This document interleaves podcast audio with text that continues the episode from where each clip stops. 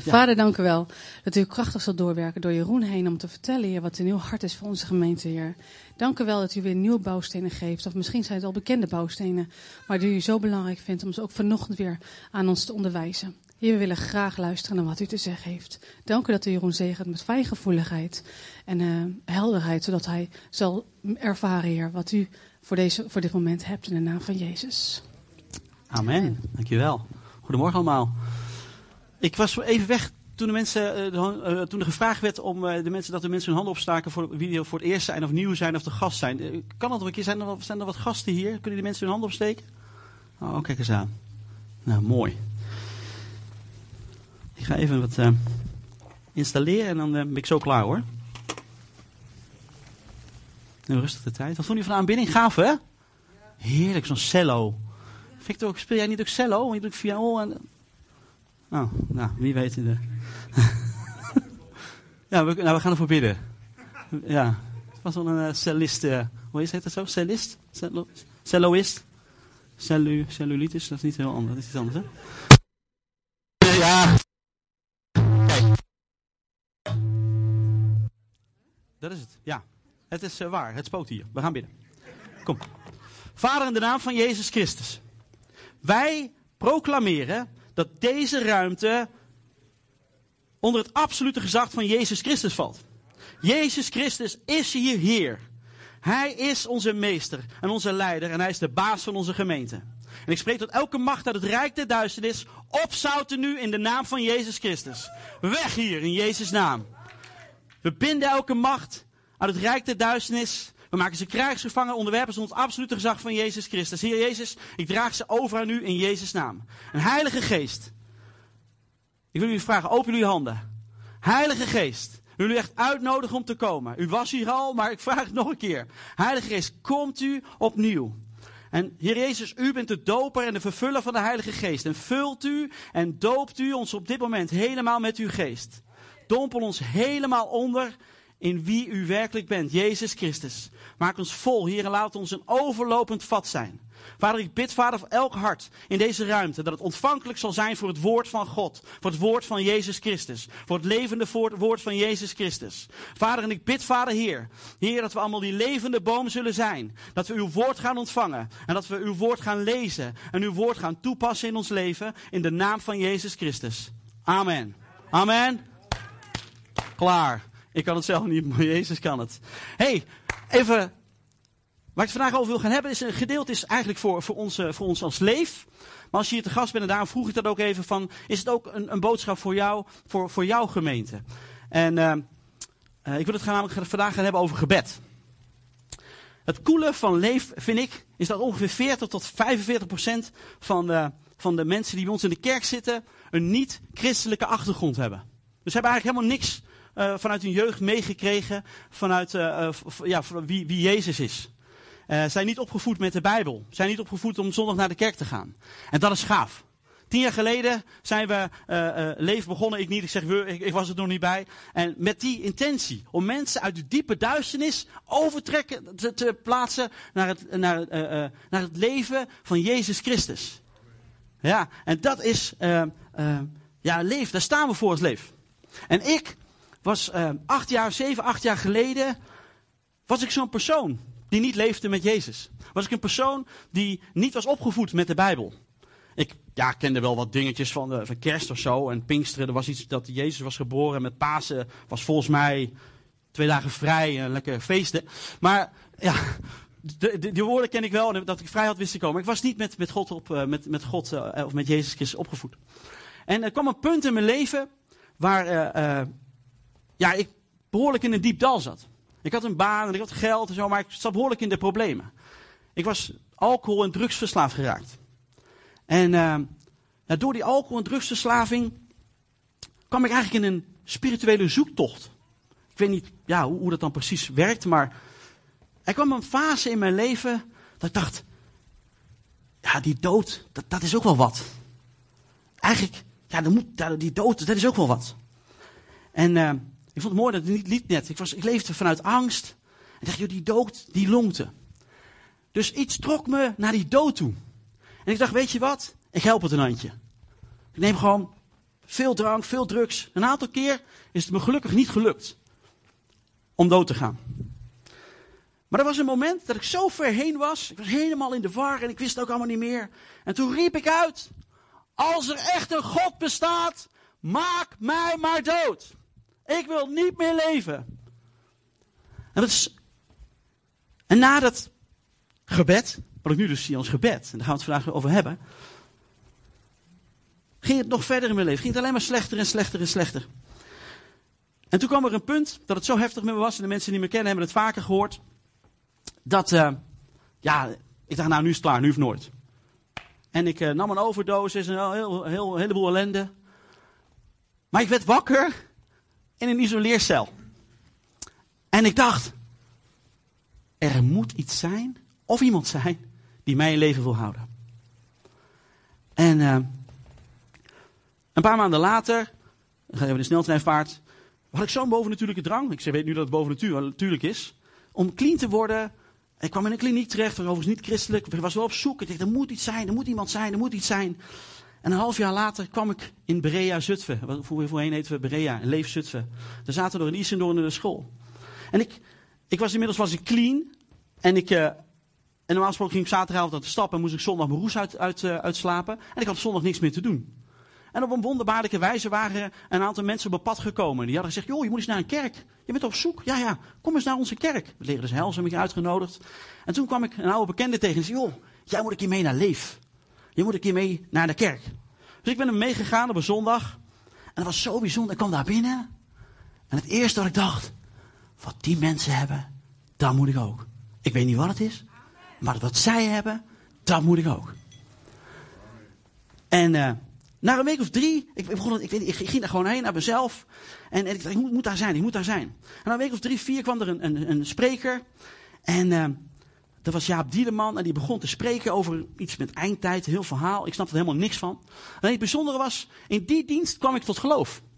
In die dienst dacht ik, hé, hey, God bestaat. Ik weet niet, God bestaat. En ik liep na de dienst en voor mensen die me kennen hebben het vaker, verhaal vaker gehoord. Liep ik na, na de dienst liep ik naar de koffietafel. Gewoon hier, bij niet hier, maar in een ander gebouw. Maar gewoon naar de koffie. Oh, koffie. En ik liep naar die spreker toe. En die stond met, met een uh, goede vriend van me te praten, met Jin. En ik raakte Jin aan. En zei, joh, je moet me vertellen, want die God, die God bestaat, staat. En met dat ik dat deed, kwam er een diepe warmte. Een rust. En ik dacht dat olie over me heen liep. En ze zeiden, Jeroen, de Heilige Geest, God raadt jou aan. Ik was helemaal, was helemaal fijn. Was het, allemaal mensen om me heen. Ik hoorde later nog dat Willem achter me stond. Ze waren bang dat ik neerviel. Ik vond het helemaal, oh, wat is dit? Ik zag duiven en ik zag licht. Zo fijn. Oh, wat is dit? Ja, het was zo fijn was het. En uh, toen was dat klaar. Toen zei joh, je moet nu naar huis. Ga op je knieën ga de Heer Jezus vertellen wat je fout hebt gedaan. En, uh, en want hij is het die je leven heeft gered. Maar ik was niet christelijk opgevoed. Ik was drie keer in de week kerk geweest, of vier keer. Ik had misschien wel een keer zo'n gebed nagezegd, maar niet bewust. Dus ik wist helemaal niks van het kruis. Ik wist helemaal niks van de Bijbel. Ik wist helemaal niks van Jezus. En ik wist, ik wist helemaal niks van. Echt niet. Maar hij ging naar huis. Ik dacht, als zij dat zeggen, dan doe ik dat. Dus ik op mijn knieën. Ik zei, nou weer, volgens mij heb ik iets fout gedaan. Ja. En, uh, en uh, ja, sorry. Ik heb wel drugs gebruikt en ik heb wel eens gestolen en ik heb dit. Maar na een paar tellen was ik klaar. En ik dacht, nou, oké. Nou, nou, nou. Maar opeens kwam datzelfde weer in mijn woonkamertje. Ik werd weer warm. En ik zag duif en licht. En ineens hoor ik een stem. En die stem zegt, Jeroen. Dus ik zat, hè? Maar ik was helemaal... En in één keer begon ik te huilen. Jeroen. En ik dacht, wat, is dit? Wat is dit? Ik ben het. Ik ben Jezus Christus. En ik begon te huilen. En het, ik, ik dacht, wat, Jezus Christus? Oh, en, en de Jezus zei, Jeroen, weet je nog dat je een half jaar geleden, of een aantal maanden geleden hebt gevraagd, als er een God bestaat, maak me maar dood. En ik zo, ja, dat weet ik nog, dat weet ik nog. Sorry, sorry, dat weet ik nog. En zo ging het echt ook, echt. Hij zei, ik maak niet dood. Ik maak levend. Vanaf nu ben je van mij. Halleluja. En het is zo vet. Vanaf dat moment is mijn leven totaal veranderd. En het is zo bijzonder. Jezus riep mij persoonlijk. En van van, hij heeft mijn eerste gebed heeft hij verhoord. En dan op een andere manier gelukkig. Maar, en dat wil ik je ook meegeven. Als je vandaag in de kerk zit en je denkt, joh, die God, is hij nou echt? Bestaat hij nou? Ik ben aan het zoeken, ik weet het niet zeker. Als ik veel mensen die ik spreek, en iets over de Heer Jezus mag vertellen, zeggen, joh, als je het niet zeker weet, weet je wat je moet doen? Oprecht gewoon vragen, Heer Jezus of God, als u echt bestaat, laat mij het dan maar zien. En nu ik een tijdje christen ben, uh, refereer ik vaak aan Psalm 91. De laatste verse staat dat God zegt, roep je me aan, in, me, in je nood zal ik bij je zijn. En daar bemoedig je mensen ook mee. Door te zeggen, joh, als je het niet zeker weet, vraag het. Ik weet zeker, ik weet zeker dat Jezus Christus zich gaat openbaren. Ik heb zoveel verhalen gehoord van mensen die dat geroepen hebben. En uiteindelijk iemand ontmoeten of het, uh, in een dienst terechtkwamen. Of uiteindelijk gewoon tot geloof kwamen. En uh, het is zo, uh, zo gaaf dat God onze gebeden verhoort. Al ja, weet je niet eens zeker of God er is. En uh, gebed is dus praten met God. En voor de mensen die al langer in de kerk komen, gebed is dus, ja, is je hart uitstorten met de Heer Jezus. En ons grote voorbeeld in gebed, dat is Jezus zelf. Jezus ging altijd apart zitten met zijn vader, om eens met hem te praten, om te zien wat hij deed. Hij zonderde zich af. Hij bad samen waar de mensen bij waren. Jezus was ons grote voorbeeld in gebed. En gebed is ook echt een opdracht. Het is een opdracht. In de Bijbel roept Jezus ons op om te bidden en om met God te overleggen. En mijn gebed voor deze zondag is, en daarom zei ik in het begin, het is een, een woord voor de gemeente Leef, maar ook voor waar de gemeente waar je zelf in zit, is dat we dat bidden weer op gaan pakken met elkaar. En dan praat ik over voorbeden doen, en daar ga ik het vandaag over hebben, en samen bidden. En er zijn een heleboel vormen, een soorten van gebed. En eh, ik ga ook niet precies uitleggen hoe je moet bidden. Maar ik wil gewoon je aanmoedigen dat het goed is om te gaan bidden. De Heilige Geest laat wel zien hoe we moeten bidden. Maar ik wil je vandaag meenemen en je aan te, om aan te gaan moedigen om weer te gaan bidden. Het is ons verlangen, ons gezamenlijke verlangen. Ik, ik kan het zeggen als ons, als oudste team. Maar ik geloof ons allemaal dat, uh, dat het gezamenlijk gebed weer toe gaat nemen in de gemeente. Vorige week heeft Willy een oproep gedaan. Onze bidstonden liepen wat leeg. He, een kerk van 200 man, of 150, dat wisselt een beetje, 150, 180, 175, 200. In ieder geval zoveel mensen. Zitten op een bidstond ongeveer, ja, 5 tot 10 man. En nogmaals, lieve mensen, dit is geen verwijt. Want ik preek vandaag voor mezelf. Want ik was, afgelopen jaar was ik er geen enkele avond. Dat je het even weten. Hè? Dus geen... Uh... En we waren... Afgelopen, een tijd geleden was uh, Herman Boon hier. En toen waren we met z'n allen zo aangesproken. En ik merkte dat er heel veel mensen die ik achteraf sprak, zo aangesproken. Dat hij ons zo verweet van, joh, jullie bidden niet samen. Hoe, hey, hoe zit dat? En, uh, en dat wil ik vandaag weer onder de aandacht gaan brengen. Dat het ons verlangen is. Dat we gezamenlijk weer gaan. Gaan bidden. En uh, zodat de gemeente weer gaat, meer gaat groeien. In eenheid, in geloof en in liefde. Jezus Christus is ons hoofd van de gemeente. Laten we wel eens. Hè? We bidden tot Hem. En uh, Hij wil dat we veel vrucht gaan dragen. Hij wil dat iedereen gered gaat worden. En dat alle mensen genezing, herstel en bevrijding gaan ontvangen. Wie kan er allemaal amen op zeggen? Amen. En hier in Zutphen zijn we, Peter heeft het ook al vaak gezegd, we zijn een handelingengemeente. We, willen het, uh, we hebben de handelingen, de eerste gemeente in handelingen, hebben we als voorbeeld.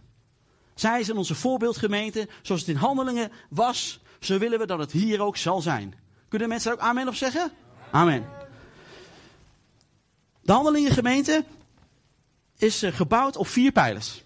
En dat staat in Handelingen 2, vers 42. Daar staat, ze bleven trouw aan het onderricht van de apostelen, vormden met elkaar een gemeenschap, braken het brood en wijden zich aan het gebed. Die vier pijlers waar we ons op richten is het onderwijs der apostelen. Dat zijn de zondagsdiensten of het onderwijs in het algemeen in de gemeente.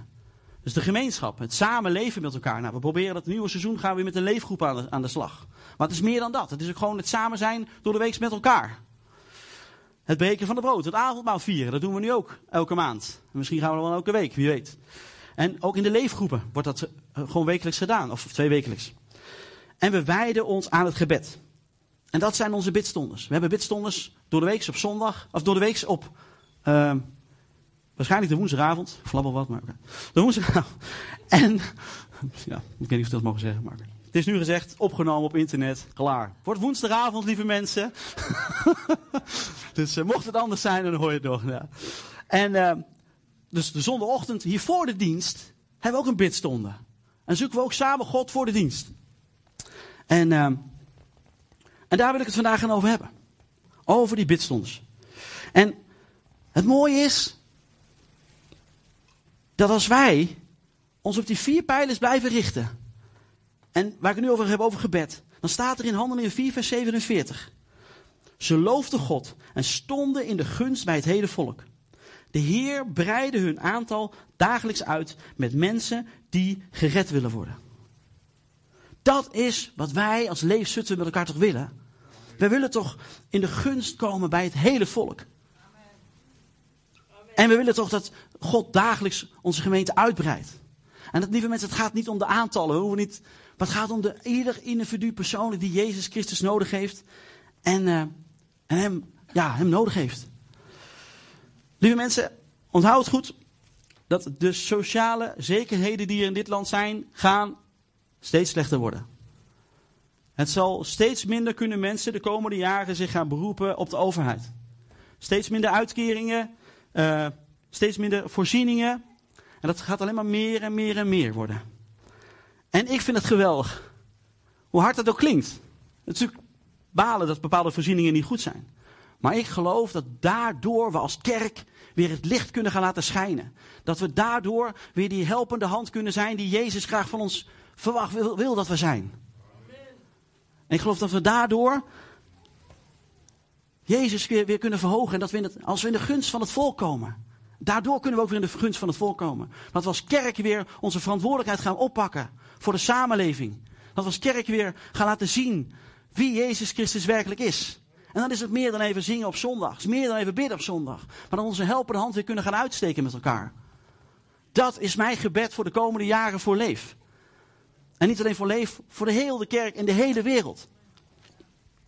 En vandaag wil ik het met jullie gaan hebben om de, voor de belangrijke sleutel, over de belangrijke sleutel gaan hebben om dit te gaan bereiken. Dat wij als gemeente weer in de gunst bij het volk gaan komen. En dat de gemeente weer dagelijks uh, mensen toegevoegd krijgt. En gelukkig krijgen we dat nog steeds. Maar ik geloof dat er meer kan zijn. En dat is meer vanuit mijn hart. Nogmaals niet om de aantallen, maar om de individu. Wij en ik wil toch graag het leven wat wij ontvangen hebben van Jezus Christus doorgeven aan de hele wereld. Kan ik daar een amen op horen? Oh, mooi. Vandaag ga ik het hebben over die vierde pijler, over het gebed. En uh, ik wil het hebben over onder andere voorbeden. Voorbeden uh, is belangrijk. Ja, goed dat je het zegt. Voorbeden is, is dat je een bemiddelend gesprek met God hebt voor een ander. Dat je voorspraak doet voor een ander. Het is belangrijk. Want als wij dingen gaan ondernemen in de gemeente, ook privé, maar ook in de gemeente, is het belangrijk dat we daarvoor gaan bidden. Dat we, dat we bij God gaan pleiten van Heer, dit willen we gaan doen. En Heer, kunnen we dit gaan doen? En moeten we dit gaan doen? En God daar een bevestiging om vragen. Of God daar gunst over vragen. Er wordt natuurlijk veel ondernomen bij ons in de gemeente. we hebben de zondagsdiensten, de bidstondes, kinderwerk, aanbiddingsband. Uh, allerlei dingen moeten geregeld worden. Uh, we evangeliseren. Uh, allerlei dingen die, die worden geen huwelijksvoorbereiding is er nog. Kostenteams. Nou, bedenk maar, er zijn een heleboel initiatieven in de gemeente. En we juichen dat toe. En we willen alleen maar meer initiatieven. En het is belangrijk dat voor al dit werk ja, gebeden gaat worden. En het is belangrijk dat we met elkaar gaan beseffen dat die voorbeden misschien wel belangrijker of net zo belangrijk is dan de uitvoer. Want ik geloof dat door gebed mijn leven is gered en andere levens wordt gered. Maar ook door gebed juist dit werk beter en makkelijker uh, volbracht kan worden. Omdat we dan de juiste richting van God krijgen. En zodat we niet gaan denken van, oh ja, we kunnen maar even wat doen en ja, leuk idee en we betrekken God er dan maar even bij. Maar ik geloof dat die voorbeden belangrijk is. En die voorbeden juist voor de mensen, bij de mensen thuis, maar ook met elkaar. En gelukkig weet ik dat bij ons in de gemeente echt voor pilaren zijn. Mensen die dagelijks voor de gemeente bidden. Mensen die dagelijks gaan strijden voor, voor de gemeente, voor alles wat er gebeurt. Mensen die we zelfs kunnen bellen. Als oudste kunnen we bellen, joh, we, zitten daar, we gaan voor je bidden, we gaan voor je strijden, joh. Bel me, mail me, zeg me wat het is. We, gaan, we staan voor je op de bres. En dat is gaaf. Dat is gaaf om te weten. Maar het is ons allemaal ook om gaaf om te weten dat dit dus gebeurt. Maar ik jullie aanmoedigen. Dat is, want als je het idee hebt van, joh, ik, ik, was, ik wandel al een tijdje mee. Hoe, zit dat dan? Moet het al iets mee? Hoe kan ik dat doen? Ik moedig je echt aan. Vraag God waar je voor je mag bidden voor de gemeente. Mail desnel, desnoods eh, de oudste als er dingen zijn van, joh, hebben jullie plannen of ideeën waar ik voor kan bidden? Vraag het. En dan willen we echt graag je, je steun, daar kunnen we er goed van gebruiken. Het is belangrijk dat we elkaar in gebed dragen en zo onze afhankelijkheid van God tonen. Dat we gewoon erkennen van Heer, ja, we kunnen dit echt niet zonder u. Johannes 15, vers 5 en 7 staat, Jezus zegt, ik ben de wijnstok en jullie zijn de ranken. Als iemand in mij blijft en ik in hem, zal hij veel vrucht dragen. Maar zonder mij kun je niets doen. En Jezus zegt in vers 7, als jullie in mij blijven en mijn woorden in jullie, kun je vragen wat je wilt en het zal gebeuren. Maar zonder mij kun je niets doen. Zonder Jezus Christus zijn we hulpeloos. Zonder Hem kunnen we niets doen. Maar als we bidden, dan draagt ons gebed en de dingen die we doen vrucht. Dat is toch gaaf? Het is goed om te weten, lieve mensen. Dus als je ergens mee bezig bent, je denkt, joh. En het lukt allemaal niet en je worstelt ermee. Ga je zelf eens navragen, joh, heb ik God betrokken in dit verhaal? Is, eh, heb ik God gevraagd, moet ik dit doen of hoe zit het? Ga terug naar de bron en vraag het hem. Er zijn zoveel momenten waar we met elkaar kunnen, kunnen bidden. En uh, in de samenkomst, maar ook thuis, in je gezin. Of alleen in Gods, uh, bij Gods, voor Gods aangezicht. Maar ik merk dat juist in de voorbeden, daar wordt de verbondenheid met anderen gevoeld. En in de voorbeden ervaren we als gemeente dat we met elkaar zijn verbonden. Als we samen gaan bidden, dan zul je merken dat je uh, ja, dat je meer beter verbonden voelt. Dat je je meer één voelt met elkaar. En ik geloof zelf, en het is zelfs zo dat je voorbeden doet in je eentje, dat je voor de dingen, voor een ander, dan zul je merken dat je je verbonden gaat voelen. Je zult merken dat als jij zegt, joh, ik, ik, ik heb het echt idee dat ik moet gaan bidden voor het kinderwerk. Ik wil dat het kinderwerk een succes gaat worden. Ik wil dat het vrucht gaat dragen. En je gaat daarvoor bidden. En je gaat ervoor strijden. En je zult zien, als, als de, de, de, de kinderwerk gaat floreren en het gaat vrucht dragen en het gaat groeien. Dan zul je zien, je zult de vruchten van die voorbeden, zul je zien. En dan merk je die eenheid. Misschien dat je geïnteresseerd raakt en vraagt, joh, kan ik nog eens voor bidden? Misschien zeg je, vertel je het helemaal niet. Maar je zult merken dat als je gaat voorbidden voor bepaalde zaken in de gemeente, dat je dat ook echt je hart krijgt. Dat je denkt, ja, die gaan we voor. Voorbeden is noodzakelijk voor de voortgang van het werk in de gemeente. En juist daarom richt de duivel zijn pijlen op persoonlijke voorbeden. Want de duivel die weet hoe krachtig gebed is. Die weet hoe krachtig voorbeden is. Maar voorbeden is niet makkelijk. Het vraagt een aantal dingen van je. Het vraagt zelfverloochening. Het vraagt van je, oké, ik zet mijn dingen niet op de eerste plek. Maar ik zet Gods dingen op de eerste plek. En de andere is, zo veel voorkomend woord, het kost tijd. We zijn allemaal druk. Het, hè, vaak, ah, kan op een ander moment ook wel. Ah, volgens mij doet die, die bid ook wel, joh. Iedereen, maar als we met z'n allen gaan denken dat een ander wel voor ons bidt, dan bidt er niemand meer. Lieve mensen, het is geen verwijt deze ochtend. Het is een aanmoediging, een aansporing om, uh, om Gods werk te zien vrucht dragen. En het andere lastige van voorbeden is dat de vruchten van vaak wordt, ge, uh, wordt uh, aan anderen toegekend. Dus als jij voorbeden doet voor een bepaald, voor, voor het kinderwerk, en dat kinderwerk groot, groot en succesvol, ja, dan is waarschijnlijk het hoofdkinderwerk degene die uh, zegt, oh, je hebt het goed gedaan. En dat is natuurlijk ook bij voorbeden, dat je vaak geen erkenning krijgt. De vraag is of dat nodig is, maar oké. Maar ik zal je vertellen, in Matthäus 6 vers 6 staat, maar als jullie bidden, trek je dan in je huis terug Sluit de deur en bid tot je vader, die in het verborgen is. En jullie vader, die in het verborgene ziet, zal je ervoor belonen. Dus je mag weten dat als je voorbeden gaat doen, als je gaat strijden voor de dingen van God, dat God je, er zal, je ervoor zal belonen. Amen?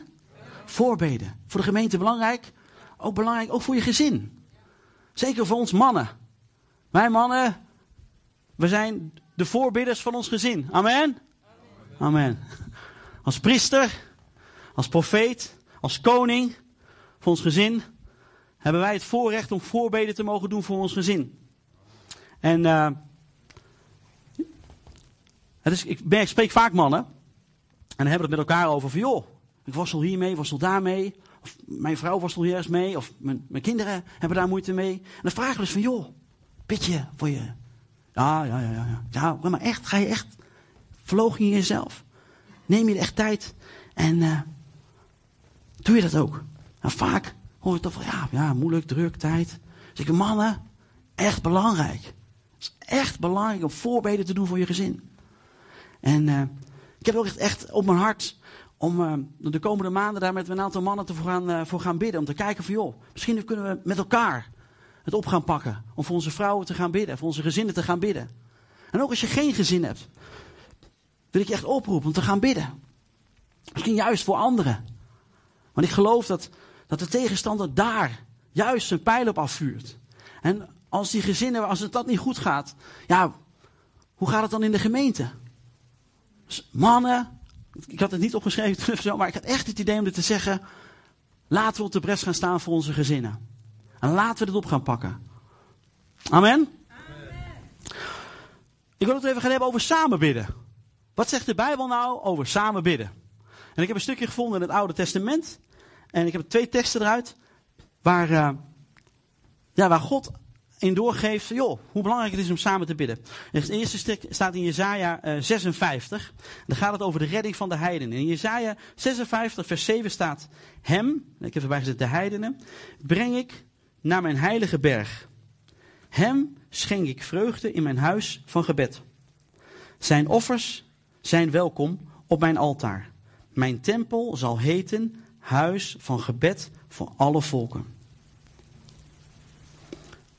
De gemeente wordt aangeduid als een biddende gemeente, als een huis van gebed. En de belofte in deze tekst is dat de heiden in de tempel zullen komen en de Heer zullen dienen. Dat zijn wij. Maar hier wordt niet gesproken over de tempel, maar over het huis van gebed. En wat betekent het? Het belangrijkste kenmerk van de gemeente in het Nieuwe Testament is het gemeenschappelijk gebed. En de gemeente wordt aangeduid als een biddende gemeente. Dus dan ontdekken we hier dus het gebed neemt een fundamentele plaats in. Samen bidden is gemeente zijn. Amen. Dat is echt belangrijk. Samen bidden is gemeente zijn. In een andere vertaling, of in een andere uh, vers, staat in Ezekiel 36 vers 37, heb ik vanuit MBG, want dat is beter vertaald, staat, zo zegt de Heere Heere, ook dit zal ik mij door het huis Israëls laten afsmeken om hun te doen. Ik zal hen zo talrijk aan mensen maken als kudde schapen. Dus hier staat, de gemeente ontvangt zegen door samen te bidden. Ook dit zal ik door mij het huis Israëls laten afsmeken om hun te doen.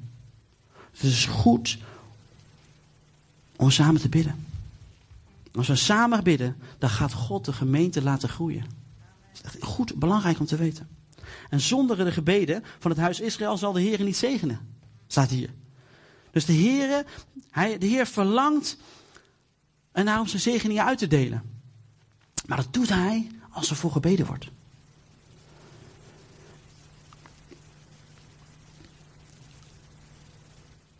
In het Nieuwe Testament staat er meer ook over samen bidden. En het uh, belang van gezamenlijk gebed in de gemeente komt in het Nieuwe Testament nog duidelijker naar voren. En ik ga naar Matthäus 18, vers 19 en 20. Dan moet ik even goed opletten, want uh, mensen uit mijn twaalfgroep die weten dat. Dat als ik een tekst lees die ik zo ontzettend cool en vet en gaaf vind, dan begin ik meestal te stuiteren. Oh. Dus dan weet je het even. Als dat gaat gebeuren, dan kan ik daar niks aan doen. Het woord van God dat dan in me komt. Even. Zo, ja, hier, kijk maar aan, wat is dit? Mensen met twaalf groep die weten dat. Ik verzekер jullie, nogmaals, zegt Jezus in Matthäus 18, vers 29. Als twee van jullie hier op aarde eensgezind om iets vragen, wat het ook is, dan zal mijn Vader in de hemel het voor hen laten gebeuren. Want waar twee of drie mensen in mijn naam samen zijn, ben ik in hun midden. Amen? Wauw. Staat hij daar? Niet. Mooi. Nog een keer.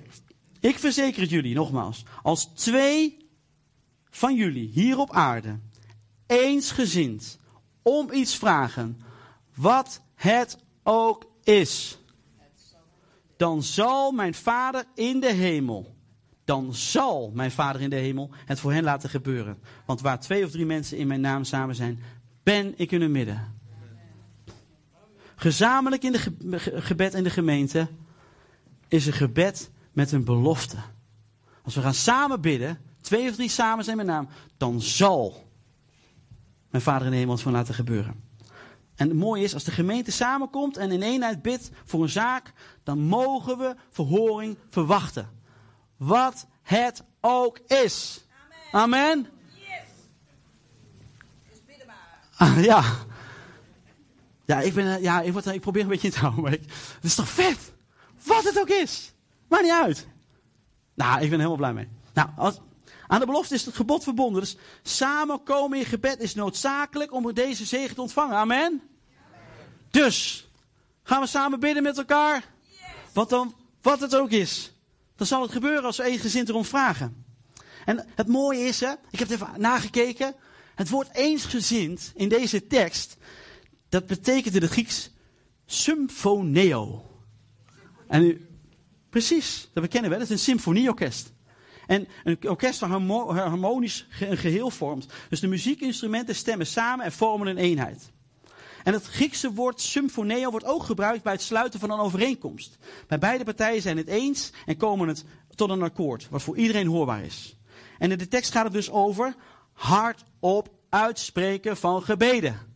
Dus als we samenkomen om te bidden in twee of drie in mijn naam, dan gaan we hardop uitspreken van gebeden waarin alle mensen samen instemmen met de inhoud ervan. En het is dus niet heel van, ja, ja, nee, amen, ik ben het ermee eens. En dan wat het ook is, dan zal het gebeuren. Het mooie is, dus de opdracht voor de gemeente is, dit is een opdracht voor de hele gemeente. Er is geen enkele christen die zegt, ja, ja, nee, ja, dat is niet van mij. Ja, dat staat er wel, maar het is eigenlijk niet van mij hoor. En uh, ja, oh nee, ja, maar hij heeft zo'n groot geloof. Dat, dat is dan wel, uh, die kunnen dat veel beter. Nee, lieve mensen, het is voor ons allemaal. Amen. Dat is echt belangrijk om te beseffen dat het voor ons allemaal is. En, maar ja, ja, misschien denk je nu wel van ja, dan kunnen we het ook op zondag doen tijdens het gebed of tijdens de prediking of ergens anders. We kunnen het gewoon, ja, we bidden toch al met elkaar. We wonen samen met iemand en dat bid ik voor de gemeente. En, uh, maar ik wil je echt op je hart drukken dat we het gezamenlijk bidden niet tot de zondag moeten gaan beperken. Ik wil jullie echt meegeven, ook inclusief mezelf, dat het belangrijk is dat we met elkaar weer op de bres gaan staan voor Zutphen en voor de gemeente.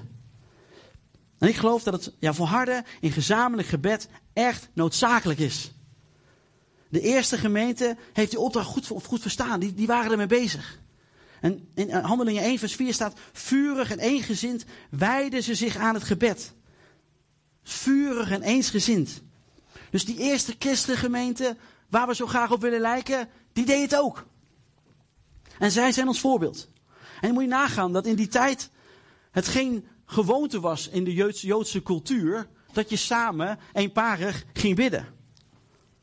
Dat, dat, was, dat, dat kwam uit een diep verlangen om dit samen met elkaar te doen. Het was een diep besef en een plicht om dit samen te doen.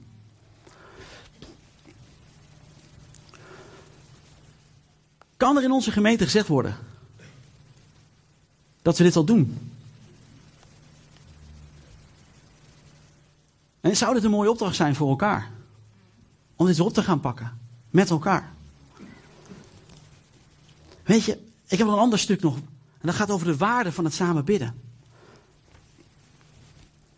In Handelingen 4 dan staat een verhaal dat Petrus en Johannes werden opgepakt. Ze waren iedereen over Jezus aan het vertellen. En er was een, een verlamde man, die, daar baden ze voor en die ging staan. En ze moesten komen bij de Joodse leiders. En ze moesten ja, verantwoording afleggen. Van joh, wat, uh, hoe zit dat? Jezus. En uh, de Joodse leiders die zeiden tegen die lui. Joh, jullie mogen de naam van Jezus Christus niet meer gebruiken. Eigenlijk wilden ze, uh, wilden ze nog straffen. Maar dat konden ze niet, want ze konden niks vinden waarop ze moesten straffen. Maar ze kregen dringend mee.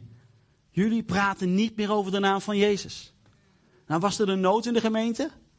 Nou, dan zeggen we een nood. Ze dachten, wow, en wat nu? Dus ze gingen terug naar de gemeente. En ik ga het stukje lezen. Dat staat in Handelingen 4, vers... Uh, oh. 24 tot en met 31 ga ik even lezen. Dus Petrus en Johannes komen terug bij de gemeente. En zeggen, jongens, er is wat aan de hand. We mogen het niet meer, niet meer samen over de Heer Jezus hebben.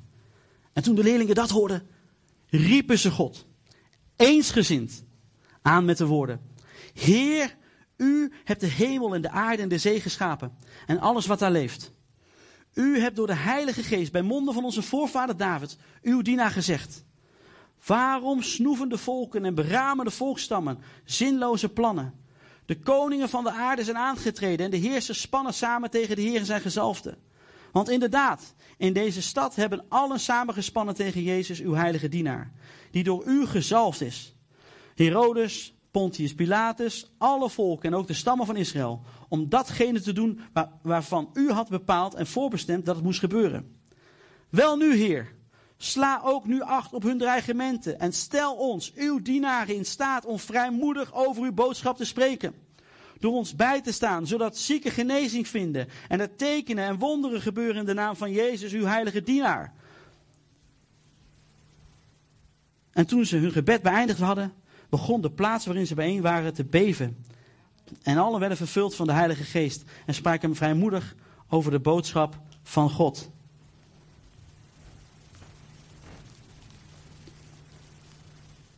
Samen bidden. Even kijken. In plaats van dat ze dachten, oh, wat nu, wat nu? Gingen ze samen bidden. En door samen te bidden neemt die afhankelijkheid van God toe. Ze wisten van, joh, zonder Jezus kunnen we echt niet. We moeten bidden. En dat zie je ook in vers 24 en 28.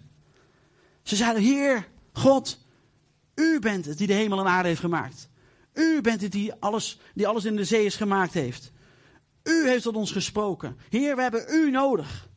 En ze lieten zien in het stukje, wij zijn afhankelijk van God. Wij moeten bij u zijn. En die speciale bijeenkomst voor gebed, die heeft maar één doel. Al het werk van de gemeente voorleggen aan de Heer.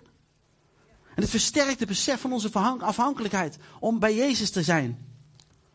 En omgekeerd is het ook. De gebedsbijeenkomst samen bidden is, dat we, is een plek waar we ja, Gods kracht mogen gaan ervaren. En dat je mag beseffen dat als je samen gaat bidden, dat er verhoring zal zijn. Dat, dat uh, ja, gebeden verhoord gaan worden, dat je wonderen zult gaan zien. Maar, en in vers 31 lezen we dat het, de Heer het gebed verhoort. Zo gaaf, hè? Ze zijn klaar met bidden toen ze hun gebed beëindigd werden. Begon de plaats waarin ze bijeen waren te beven. En alle werden vervuld van de Heilige Geest en spraken vrijmoedig over de boodschap van God. Wie wil vrijmoedig over de boodschap van God spreken? Of meer vrijmoedigheid ontvangen? Amen? Samen bidden, lieve mensen. En God gaat antwoorden.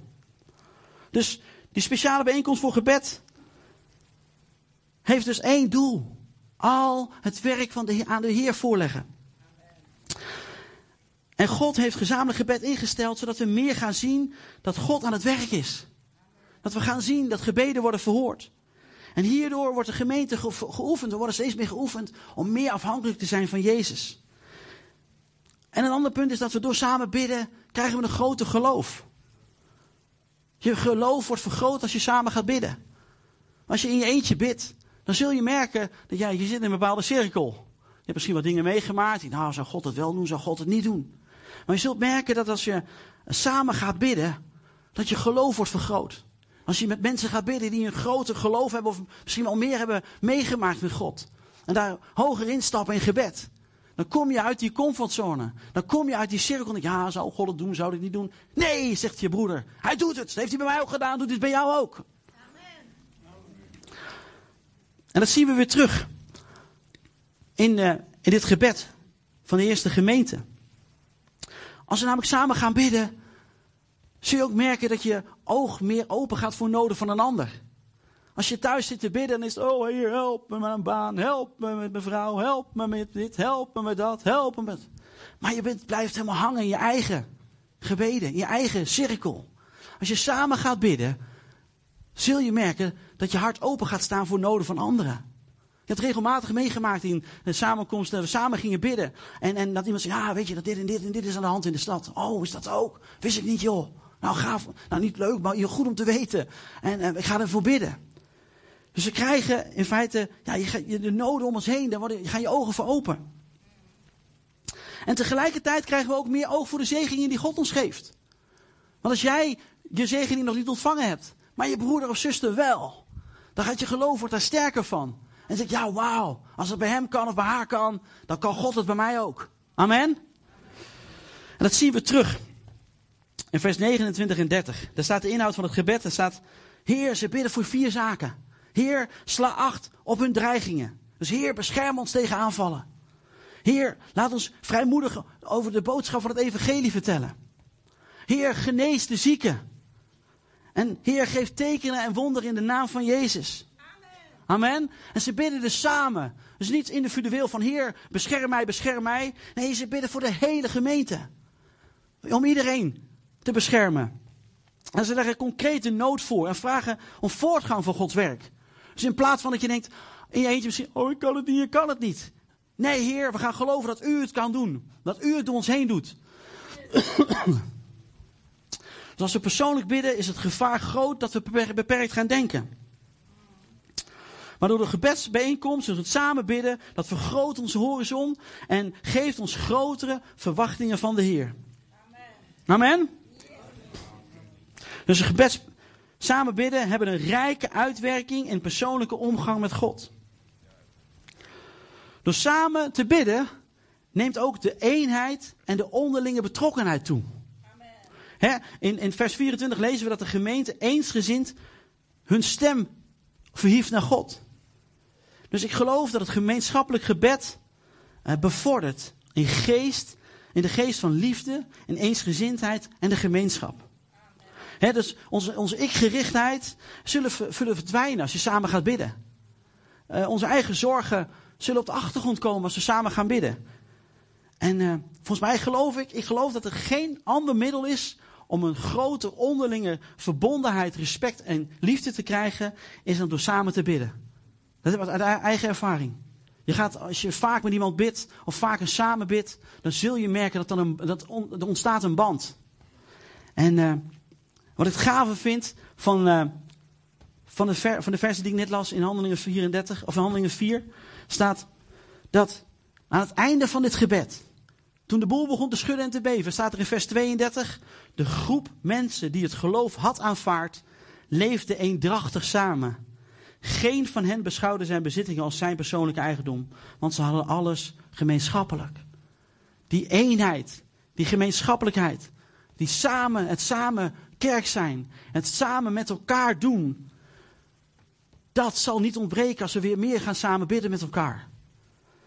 En het is mijn verlangen, het is ons verlangen, dat het samen bidden toe gaat nemen in de gemeente. Zodat we gaan groeien in die eenheid. Dat we gaan groeien in geloof. Dat we gaan groeien in liefde. En daarom wil ik ook iedereen aansporen om weer voorbeden te gaan doen. En weer samen te gaan bidden. En op zondagochtend naar die, uh, voor de dienst te komen, naar de gebedssamenkomsten te komen. En vanaf september uh, komt er een heel nieuw plan. Dat we weer om de week met elkaar gaan bidden. En binnenkort maken we er meer over bekend.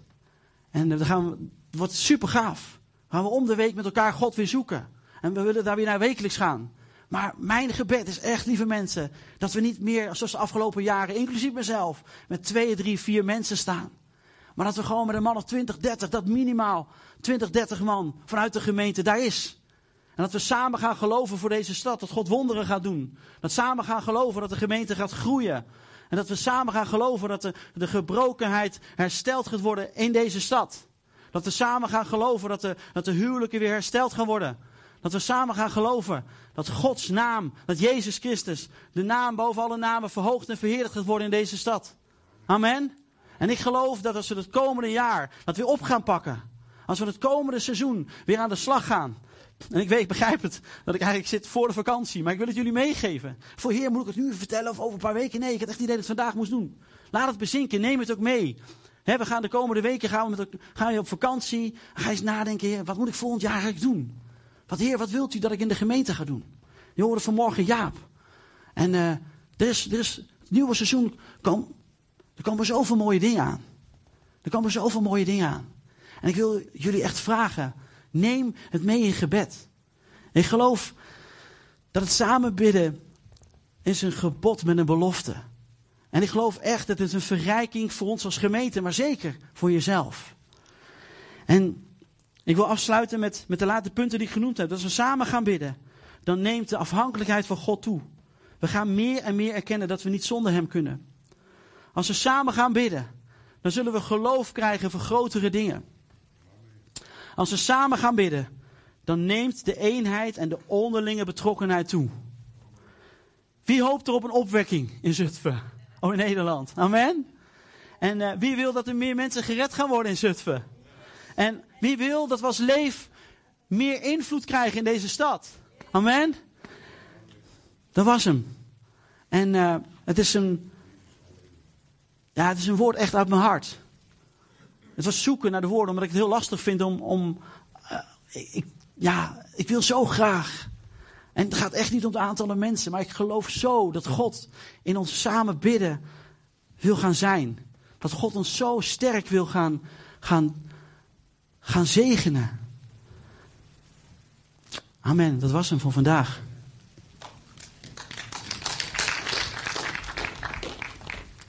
Uh, ik heb nog even een uh, aanvulling op uh, de prediking van Jeroen. Anna deelde eerder een beeld wat ze had over een vruchtboom die vruchten kreeg doordat hij bemest werd met het woord van God. Bidden is heel goed, maar je moet ook weten wat moet je bidden. En ja, niet bidden vanuit je eigen begeerte, maar wat God wil. En het kennen van Gods wil, dat, dat leer je door het lezen van zijn woord. En als je het als je bemest met het woord van God, in combinatie met gebed, in geloof, dan gaan er dingen gebeuren. Het is echt de combinatie die belangrijk is. Amen. Dankjewel. Ik uh, wil het eigenlijk gaan praktiseren. We gaan nu een moment nemen. We hebben geen uitnodiging zoals we gewend zijn. Dat hoeft ook niet. We zijn nog een levende gemeente. En uh, terwijl Casper ons nu gaat ondersteunen met, met muziek, um, wil ik jullie vragen om in rijen, de rijen waar je in zit, of mensen met achter je, Um, het is misschien wat onbekend. Dat mag en je bent er niet verplicht. Maar zoals we hebben gehoord is het zo krachtig en zo sterk om samen te gaan bidden. En er is eigenlijk niks veiligers dan in onze gemeente om dat te doen. Dus um, ik wil jullie vragen, neem een gebedspunt samen als groepje van twee, drie, vier mensen. En ga gewoon een, een kort moment daarvoor bidden. En zoals Jeroen in het begin al zei, van in het begin wist hij, je zei van, ik wist helemaal niet. Blijkbaar was het een gebed. Een gebed is wat is in je hart daarvoor. Misschien is het in je hart dat een, een, onderdeel van deze gemeente, misschien een stukje van een andere gemeente waar je in zit. Misschien is er iets persoonlijks in jullie groepje wat speelt, waarvoor je mag gaan bidden. Maar gebed, zoals Jeroen zegt, is zo krachtig. En het, het is geweldig om dat samen te doen. En ik wil daar nu kort een moment de tijd voor nemen. En uh, nou, schrijf naar elkaar toe. Heel spannend misschien voor sommige mensen. Maar uh, God is een God die persoonlijk spreekt. Maar die ook als gemeente tot ons spreekt. En krachtig door ons gebed wil heen werken.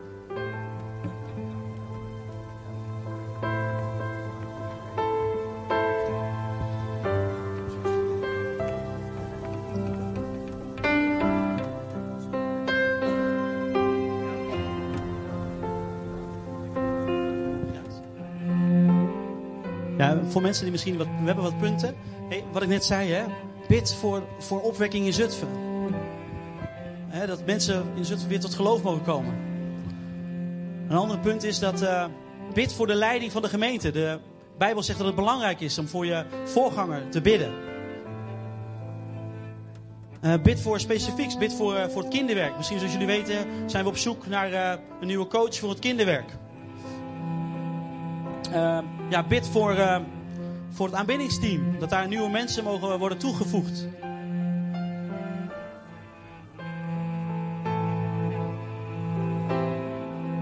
Bid voor, uh, misschien voor de huwelijk in onze, in onze gemeente. Dat ze sterk mogen worden.